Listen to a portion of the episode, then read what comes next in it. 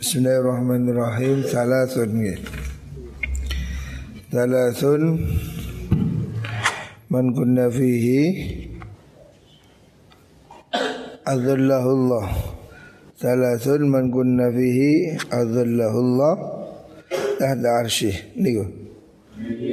Salasun dai wong telu iku manutai sabane wong kunna kang ono apa salas? Niki. Fihi ing daleman. Adzallahu adzallahu mongko ngiyup-ngiyupi hu ing man sinten Allahu Gusti Allah tahta arsyihi ing dalam isore arasy Gusti Allah yaumaladzilla ing dalam dinane ora ono yup-yupan iku wujud illa dhilluhu angin yup-yupani Gusti Allah. Ada tiga hal yang membuat orang akan dilindungi Allah besok di hari kiamat. Nah, di mana hari tidak ada perlindungan kecuali perlindungan Gusti Allah. Rupane al wudu'u wudu indal makarihi alal makarihi ingatasi pira-pira waktu kang den sengiti wudhu di waktu yang sangat tidak disukai maksudnya cuaca yang sangat dingin ya.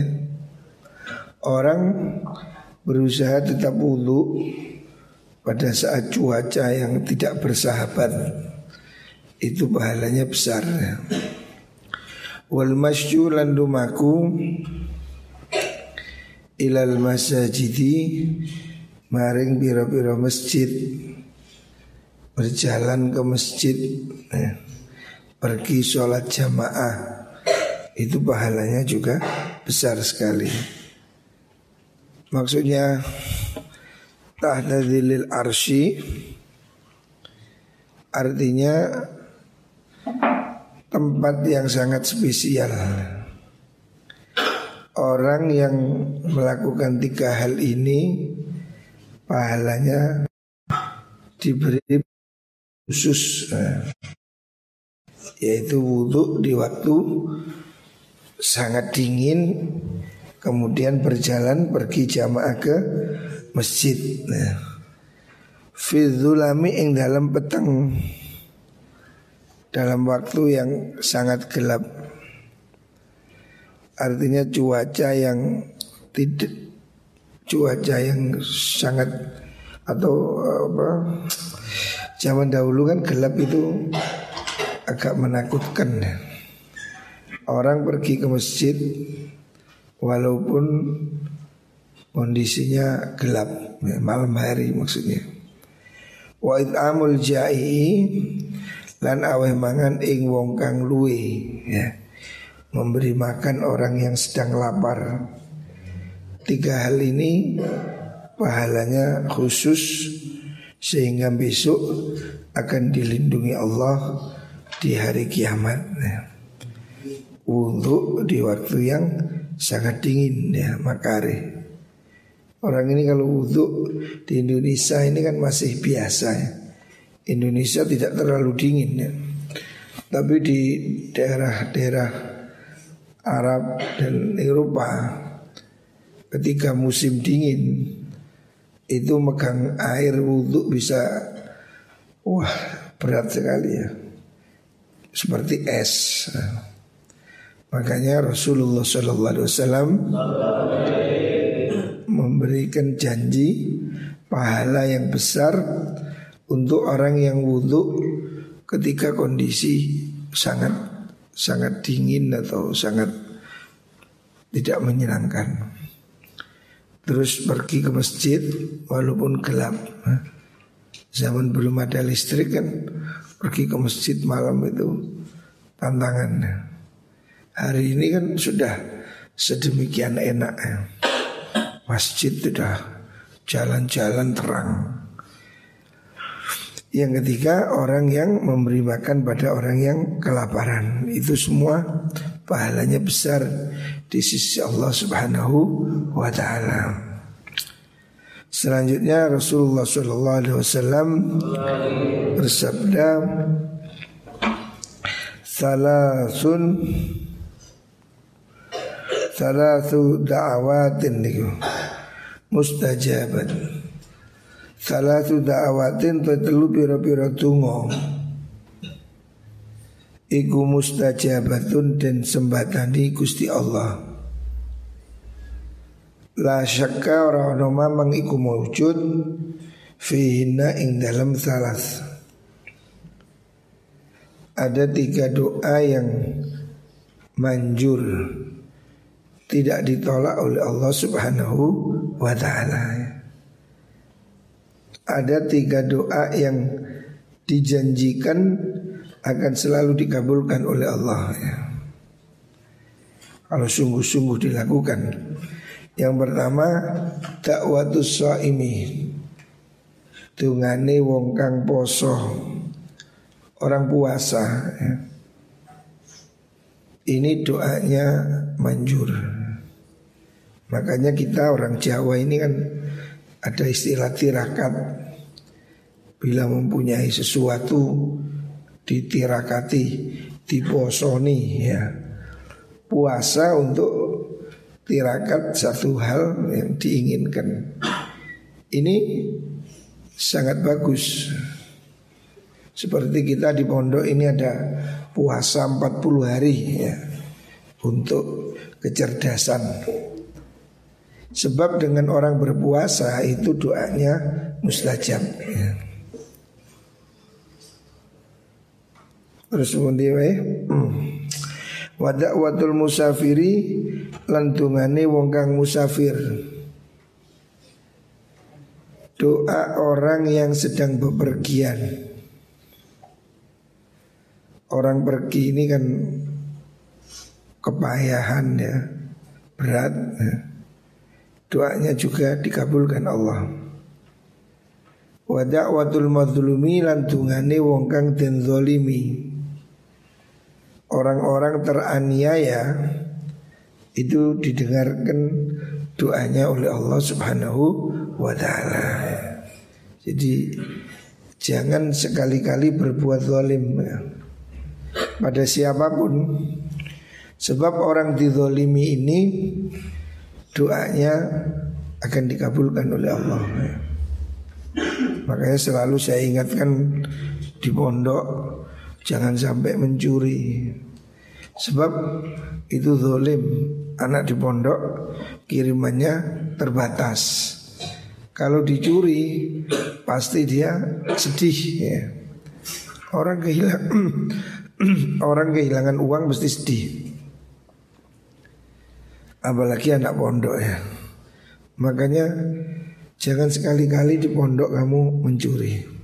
Itu resikonya berat Sebab doa orang teraniaya itu dikabulkan oleh Gusti Allah.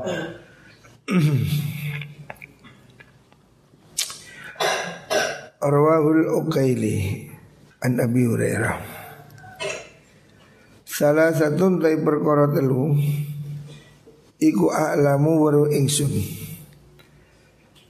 Annahunna sutuni salasa Iku hakun benar nah, Ada tiga hal yang diyakini ya, Pasti betul oleh Rasulullah Shallallahu Alaihi Wasallam. Tiga hal ini Nabi menjadi saksinya ya. Kita ini sering kali percaya omongan siapa menurut dokter corona berbahaya. Semua orang takut karena disebutkan oleh para dokter. Ini ada hal yang jauh lebih yakin karena disaksikan oleh kanjeng Nabi. Nabi mengatakan ada tiga hal ini yang pasti benar. Saya saksinya ya. Saya tahu ini pasti benar. Apa? Yang pertama Ma'afa imru'un an madlamatin illa zadahullahu ta'ala biha izzan. Yang pertama ma'afa orang ngapura sapa umrun awa-awaan an madlamatin saking kezoliman. Seseorang tidak memaafkan ya dari satu kezoliman yang dia terima. Artinya siapa pun orang yang dizolimi tapi mau memaafkan illa zadahullah angin nambahi ing man sinten Allah taala biya kelan mengkudu madlamah izan ing kemuliaan. Ya. Jadi orang yang mau mengampuni Siapa orang tidak mendendam Mau memaafkan Walaupun dia itu dirugikan, disakiti Tapi dia memilih untuk memaafkan. Ini oleh Allah akan diberikan kemuliaan. Siapa orang tidak suka bertengkar Memilih memaafkan Akan ditambah kemuliaan hidupnya Oleh Allah subhanahu wa ta'ala Ini ajakan dari kanjeng Nabi Supaya kita jangan suka bertengkar. Walaupun kamu bisa membalas Meskipun kamu bisa membalas Tapi kamu tidak membalas Itu pahalanya besar. Walaupun kamu bisa saja melakukan pembalasan yang setimpal Kamu tidak mau bertengkar Memilih mengalah. Itu pahalanya akan menambah kemuliaan hidupmu. Baik di dunia atau di akhirat. Wa ma fatahalan orang buka sapa rajulun wong lanang? Ala nafsihi ing atase awak dhewe ne rajul baba mas'alatin ing lawang penjaluan.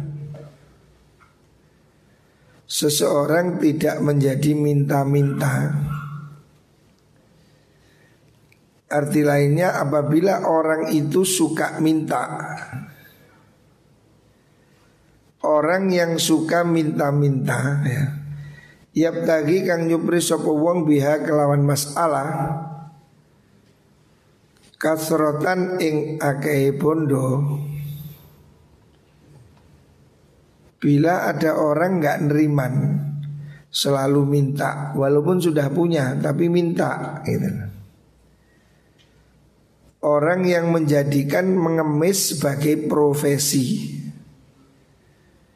itu illa zada angin nambahi ru ingman sapa Allah taala Allah taala pihak lan masalah fakron ing kemelaratan Orang yang masih suka minta walaupun sudah punya. Ini ada orang yang mungkin mentalnya mental pengemis ya. Sudah punya tapi masih minta pada orang lain. Ada sebagian daerah begitu. Di Madura ada sekelompok desa katanya memang profesinya ngemis. Walaupun dia ini mampu tapi memang dia sukanya minta-minta. Ya. Mengemis menjadi profesi. Siapa orang menjadikan mengemis sebagai profesi Maka dia tidak akan bisa menjadi orang kaya Kata Rasulullah SAW Siapa orang suka minta-minta Maka dia akan semakin melarat Illa zadahullah ta'ala biha fakron Makanya jangan suka minta ya. Kalau bisa kita itu memberi Usahakan memberi ya. Jangan suka minta-minta Apalagi mengemis ya. Mengemis ini bukan profesi yang terhormat ya. Mengemis. Ada orang yang memang malas. Kapan hari di Jakarta Ada pengemis ditangkap. Ternyata dia itu punya uang 75 juta Tapi ngemis. Jadi hasilnya ngemis itu Satu hari ratusan ribu ya. Tapi ya actionnya harus action melas itu. Gayanya lumpuh Gayanya apa Luka itu kan banyak yang bohong ya. Tangannya diperban. Terus ngemis. Ada yang kakinya itu ditekuk. Saya lihat di Youtube Orang itu kakinya wutuh. Tapi ditekuk Supaya kelihatan kayak nggak punya kaki. Jadi dengkulnya ini ditekuk gini Dipasangi celana. Jadi kelihatan seakan-akan Tidak ada kakinya gini. Ternyata ada. Nah orang yang penipu-penipu begitu itu Tidak bisa kaya ya. Tidak berkah. Walaupun dia minta-minta Meskipun mungkin pendapatan mengemis itu cukup besar Konon satu hari pengemis itu bisa dapat 300 ribu. Ngemis di lampu merah itu Itu kan lampu merah itu kan setiap berapa menit? Mungkin dua menit lampu merah Dua menit lampu merah.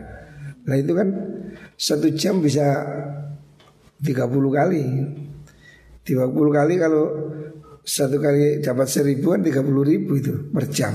Nah, ngemis itu ternyata lumayan. Nah, ada orang ngemis itu bisa jadi profesi. Di Surabaya ini sampai ada raja pengemis naik mobil rajanya ini. Jadi dia itu merekrut orang dari desa-desa bawa ke Surabaya disuruh ngemis bagi hasil. Jadi tiap pagi dikirim ke kampung-kampung. Jadi ada bosnya itu. Sore dijemput ngasih perumahan. Karyawannya itu bagian ngemis. Jadi ngemis itu ada yang menjadikan dirinya sebagai profesi. Lah yang seperti ini ya, ini jelek ya. Ini tidak disukai oleh Rasulullah Sallallahu Alaihi Wasallam. Jangan menjadikan mengemis sebagai profesi ya. Orang mungkin boleh minta Kalau kepepet ya. Kalau betul-betul tidak mampu Boleh minta ya Tapi kalau sesungguhnya mampu Ngemis untuk profesi Lah ini buruk ya Ini malas Tidak mau bekerja sendiri. Makanya oleh Rasulullah SAW disebutkan itu akan membuat dia semakin miskin. Mungkin dia punya uang tapi miskin kan itu sudah jelas miskin secara moral kan ngemis itu sudah miskin. Wa ma fatahalan orang buka sapa rajulun wong lanang ala nafsihi ing awak dhewe rajul. Baba sodakotin ing lawangi sodako Yap lagi kang nejo nyupri sopo rojul Pihak lan sodako wajah Allah ing ridhoni Allah Ta'ala Illa zadahu angin nambahi Hu ing rojul sinten Allahu Allah Kasorotan ing akeh Maksudnya rezekinya tambah banyak Siapa orang bersedekah ya. Bukan malah ngemis.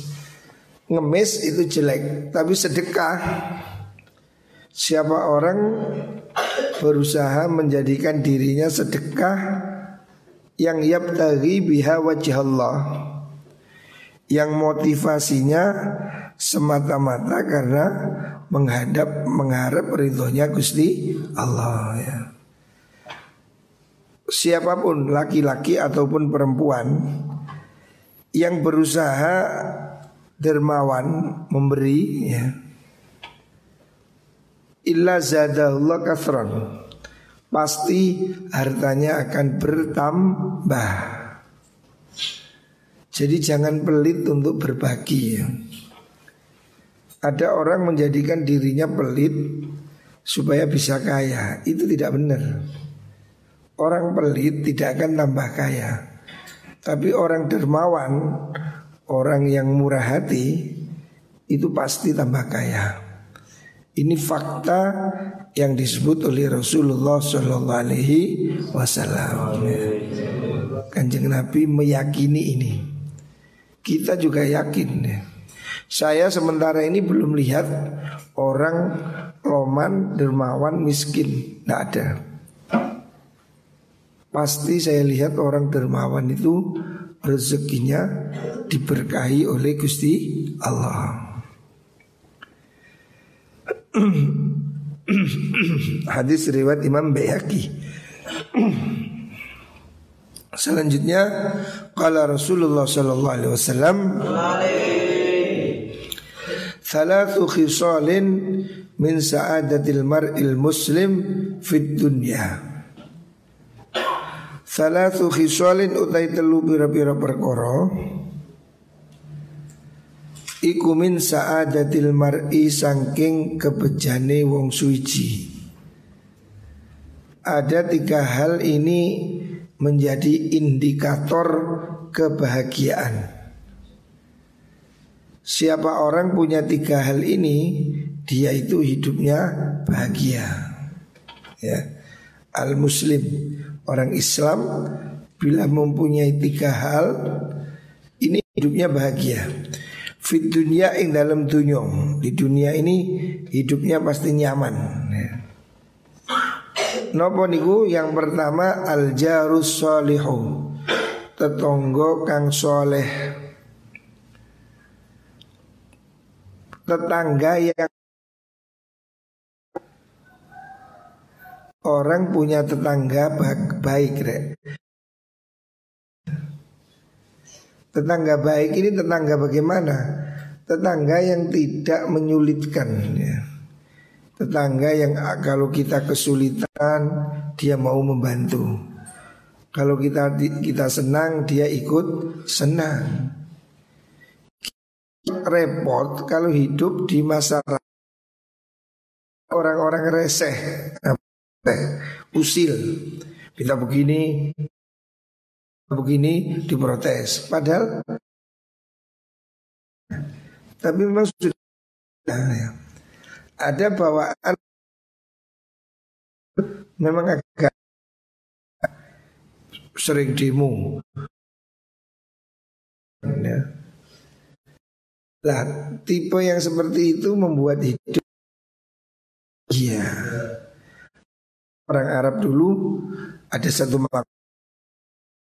mak Qobladar Pilihlah tetangga pilih rumah. Jadi kalau kamu mau beli rumah, lihatin dulu sekitarnya ini orangnya baik apa enggak. Kalau sekitarmu ini orang-orang yang tidak baik, yang tidak yang sukanya hura-hura, yang reseh, yang akan tersiksa ya. Sebab kita ini sehari-hari kan perlu lingkungan yang nyaman ya. Makanya mempunyai tetangga yang baik ini bagian dari kebahagiaan. Wal maskanul wasi. Yang kedua, indikator kebahagiaan itu rumah yang luas. Rumah yang luas maksudnya ya rumah yang di situ bisa diisi banyak orang yang lebar yang menyenangkan ya. Rumah ini kalau lebar kan bisa buat lari-lari, nanam ke, apa, pohon, berkebun. Ini sangat menyenangkan. Saya melihat rumah di kota-kota ini kan semakin kecil Cuma 6 kali 10 7 kali 12 kan kecil nggak bisa ubah ya. Ini tembok, hari ini tembok, hari ini tembok. Gak bisa ubah. Apalagi yang RSSS itu. Ada lagi yang rumah tipe berapa itu? Sing itu. Sing cuma satu kamar itu kan. Itu RSS-nya banyak itu. Rumah sangat sangat sangat sederhana, sulit selonjor, sulit senggama, sulit waduh repot ya. Kekecilian. Kalau bisa punya rumah ini yang agak agak luas ya. Yang ketiga wal markabul wal markabul hani. Termasuk hal yang membahagiakan itu wal markabulan tunggangan al hani ukang cepat ya, kendaraan yang kencang. Zaman dahulu ia berupa kuda atau onta ya kendaraan yang manut yang tidak rewel. Ya. Kalau konteks hari ini ya Toyota, Avanza, ya, Innova, ya. kendaraan yang menyenangkan, yang cepat, sehingga mogoan. Ya. Orang ini kendaraan ini walaupun tidak mewah, tapi lek gak mogok, niku penak. Saya dulu pernah beli Mercy, tapi mogokan. Waduh malah susah, numpak Mercy tapi mogok. Kan gengsi, Mercy mogok. Lebih baik naik Avanza tapi lancar. Jadi termasuk membahagiakan punya kendaraan yang gesit yang jurusan ini tidak mogok ya, tidak rewel. Kendaraan ini kan penting, fungsi kita pergi ke sana ke sini kan selalu butuh kendaraan. Kendaraan ini setelah rumah. Rumah ini penting ya untuk tinggal. Setelah rumah kendaraan. Nah, makanya ini indikator kebahagiaan. Selanjutnya kala Rasulullah sallallahu alaihi wasallam salasun munjiatun ada tiga hal. Salasun te perkara telu iku munjiatun piro-piro kang nyelametaken. Ada tiga hal yang bisa menyelamatkan. Ada tiga perkara yang akan menyelamatkan seseorang di dunia sampai di akhirat. Ya. Yang pertama, apa nih? Khasyatullah wati marang gusti Allah. Orang yang punya rasa takut pada Allah Fisiri ing dalam tingkah samar Wal alaniyati lan tingkah terang-terangan Orang yang selalu takut pada Allah Sifat takut pada Allah Sirri dan alaniyah Sendiri ataupun bersama orang lain. Yang kedua wal adlu lan sifat adil. Wa firridho ing dalam ridho. Wasuhtilan bendu. Artinya tetap objektif walaupun dia itu suka atau tidak suka gitu. Jangan sampai orang ini kalau seneng muji-muji, tapi kalau benci caci maki. Ya. Ini tidak sportif. Ya. Hendaknya orang walaupun tidak suka tapi harus tetap sportif ya kalau baik ya harus dibilang baik jangan orang kalau tidak senang baik pun dibilang jelek ya la yajrimannakum syana'u qaumin ala alla ta'dilu i'dilu huwa aqrabu taqwa Jangan sampai kebencian membuat kamu tidak bersikap adil. Jangan sampai kebencian membuat kamu sentimen. Kamu harus tetap adil, sportif, objektif dalam senang ataupun tidak senang.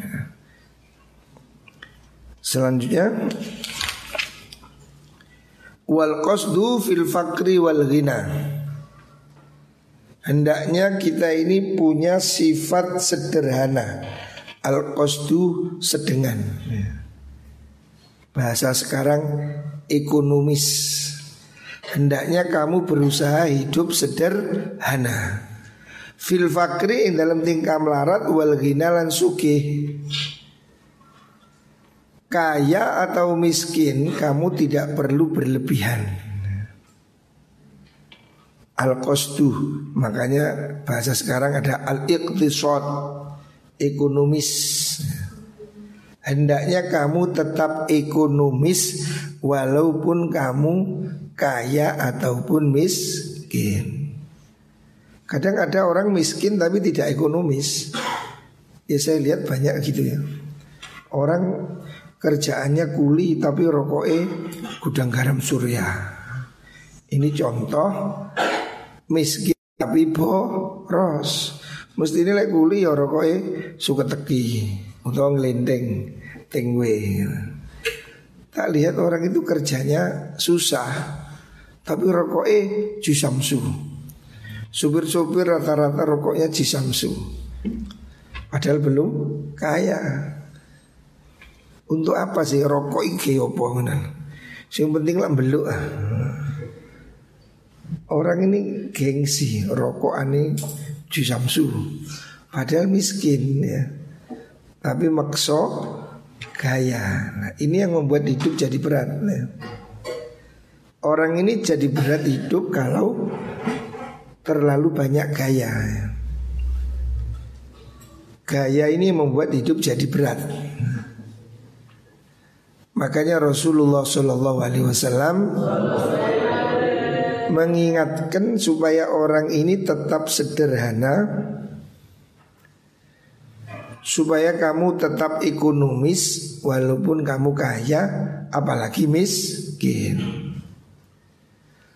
wasalasun muhlikatun wasalasun ono perkara telu muhlikatun kang rusakaken Nabi mengingatkan ada tiga hal ini akan membahayakan dirimu. Yang pertama hawan muttaba. Hawa huwa nafsu muttabaun kang denut. Orang mengikuti hawa nafsu itu membuat dia celaka. Hawa nafsu ini kan hawa apa keinginan untuk bersenang-senang. Yang tidak sah ya. Hawa nafsu kepingin apa minum homer kepingin zina kepingin melanggar ya semangat untuk membuat kamu tidak benar itu loh hawa nafsu yang kamu ikuti ya itu mencelakakanmu ya. Orang yang hidupnya tidak mengendalikan nafsunya pasti akan celaka. Ya. Dia akan berhadapan dengan banyak masalah. Yang kedua, wasyukhun muta' wasyukhun dan sifat medit muto'un kang denut. Nuruti pelit nuruti sifat kikir. Manusia ini kan dasarnya kan kikir Emanan ya. Lahir bayi kan gegem Kuape kan itu gegem. Ini sifat yang tidak bagus ya. Jangan nuruti kikir Tidak mau berbagi Tidak mau sumbangan Tidak mau menyantuni orang. Ini akan membuat kamu tidak berkah. Ya. Yang ketiga wa ijabul mar'i binafsih Wa ijabul mar'i lan oleh gawe wong suici binafsihi kelawan awak diwini almar'u. Sifat yang mencelakakan itu Orang menganggap dirinya hebat Kalau bahasa sekarang nopo Sumbung atau GR GR apa tahu Ya KR gede rumongso ya. Duduk gede itu ya. Orang yang merasa dirinya lebih hebat dari orang lain. Itu tidak bagus. Membuat dia sombong dan semena-mena Tidak ingat kalau semua itu dari Gusti Allah Selanjutnya salah sun yudriku bihinnal abdu ibad dunya wal akhirah. Salasun utai perkara telu iku yudriku nemui bihinna kelawan salah sopal abdu roga ibad dunya ing piro-piro perkara kang den senengi atau kesenangan dunya wal akhirati lan akhirat ada tiga hal yang membuat orang itu merasakan kebahagiaan, kesenangan dunia dan akhirat. Yang pertama as-sabru alal bala. As-sabru rupani sabar alal balai ingatasi bilai. Waridho lan ridho bil qadai kelawan pestene Gusti Allah. Jadi orang ridho dengan takdir ini bagian dari cara untuk menyenangkan diri. Orang menghadapi masalah di dunia ini pasti ada masalah.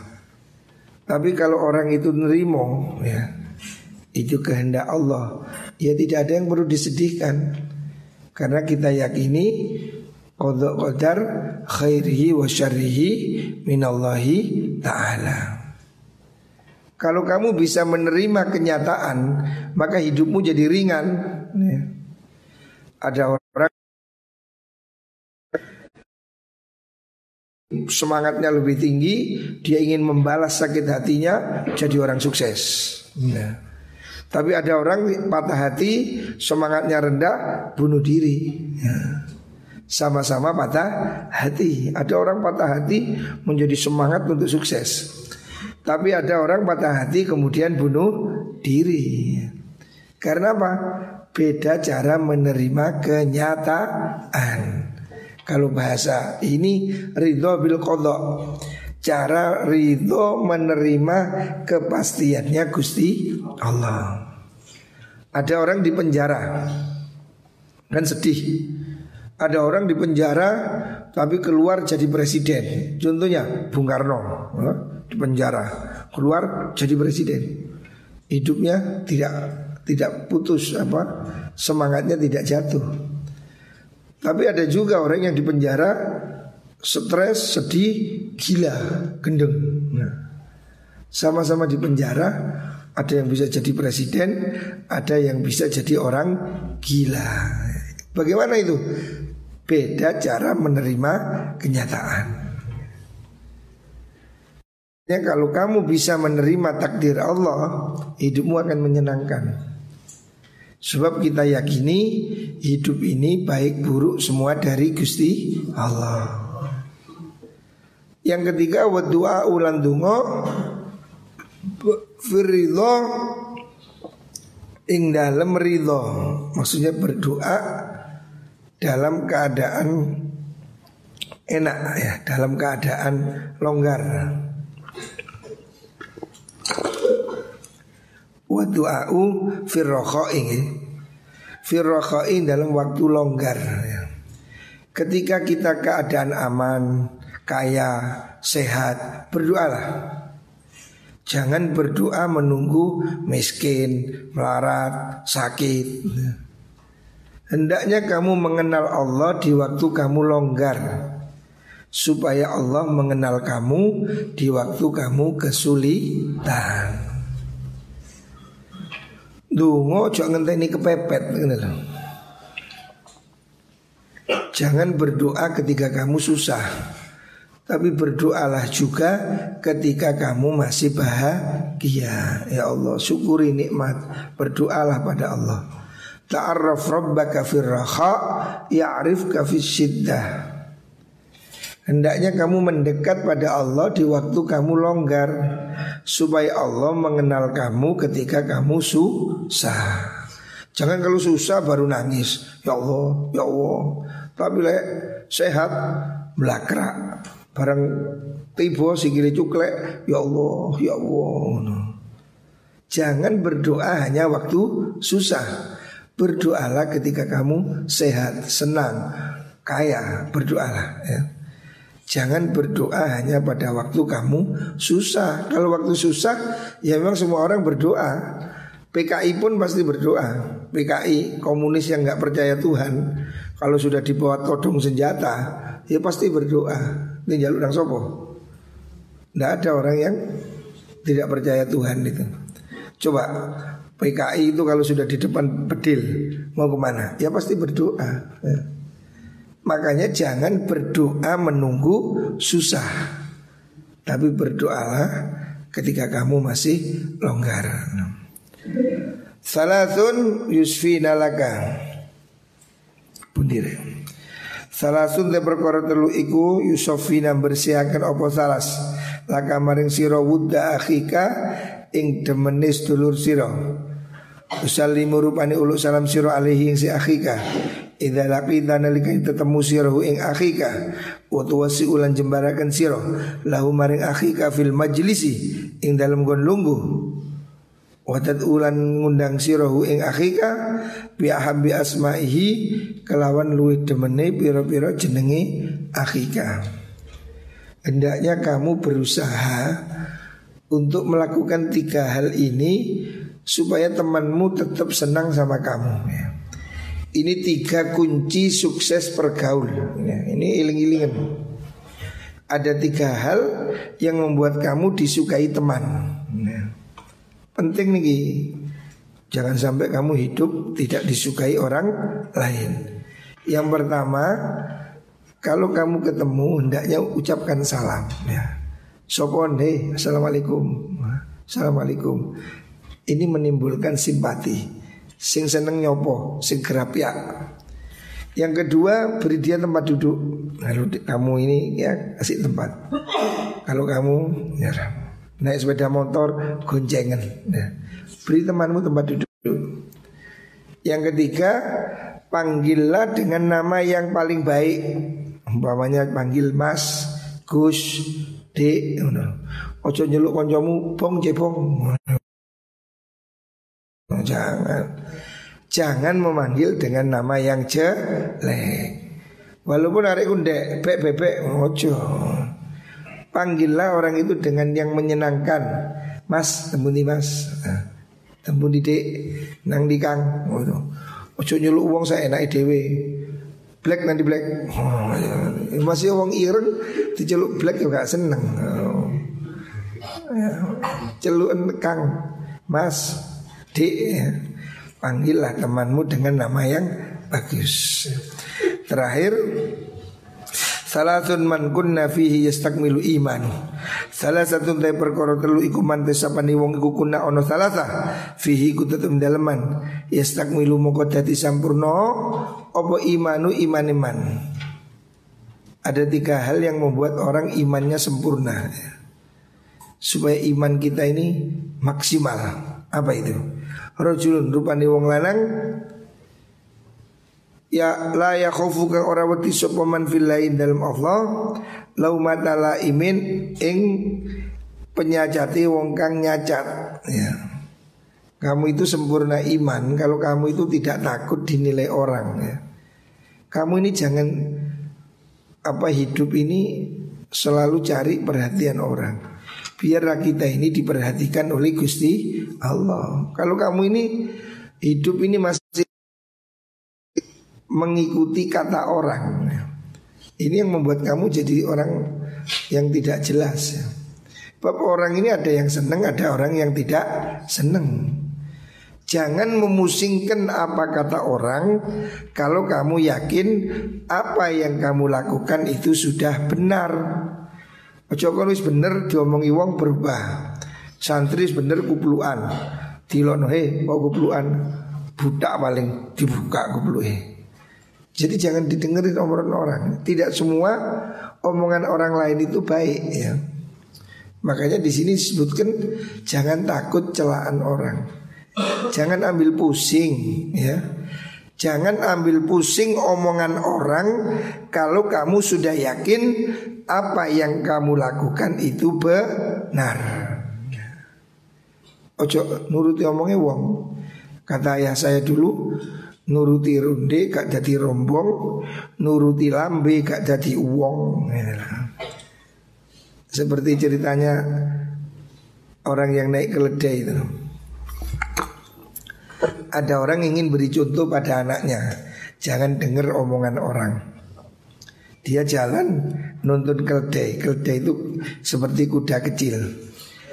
Bapaknya nuntun anaknya Begitu ke pasar jalan ketemu orang. Tiba itu Eh itu loh anaknya itu loh. Kudu anak naik keledai bapaknya nuntun. Nggak sopan. Eh sudah anaknya turun. Ganti bapaknya naik Ketemu orang lain. Eh bapak itu loh gendeng. Anaknya suruh nuntun kok tega bapaknya naik? Masih salah. Mudun kabewis Luruh dituntun bareng. Ketemu orang lain di lok mana lo itu lo kok bodoh ya wong keledai nggak dinaiki dituntun. Ini goblok ini orang ini. Lo salah mana ya apa caranya tumpaki wong loro naik keduanya ketemu orang salah lagi kok tega keledai kecil dinaiki dua orang nggak berperi kehewanan ini ditumpaki wong loro salah mana Akhirnya dipikul wong loro, ya wis dipikul ya wong loro. Keledainya yang dipikul. Oh, gendeng wong keledai ditumpikul. Akhirnya gendeng itu yang terakhir. Akhirnya keledai ini dipikul wong loro. Jadi wong lu sinting wong keledai kok digendong. Nah ini nuruti orang, kalau bener ya. Makanya jangan takut makian orang kalau kamu sudah benar. Wala yura ilan ora pameran sapa wong bisain klan suci wiji min amali saking amali wong. Orang itu imannya sempurna kalau tidak pamer ya. Enggak usah pamer. Perbuatan kita ini sudah dilihat oleh Gusti Allah. Enggak usah pamer, biar Allah yang menilai ya. Yang ketiga ini Wa idza urido nalikani den tawaken alaihi ing sewong apa amroni perkara loro ahadu maute sahsine amroni iku lid dunya krana dunya wal akhiratu te kang liya iku lil akhirati krana akhirat ikhtara mongko milih sapa wong amrul akhirati ing urusan akhirat ala dunya ing si dunya kalau diberi dua pilihan dunia atau akhirat dia akan milih akhirat ya. Jangan menukar akhirat dengan dunia. Wallahualam.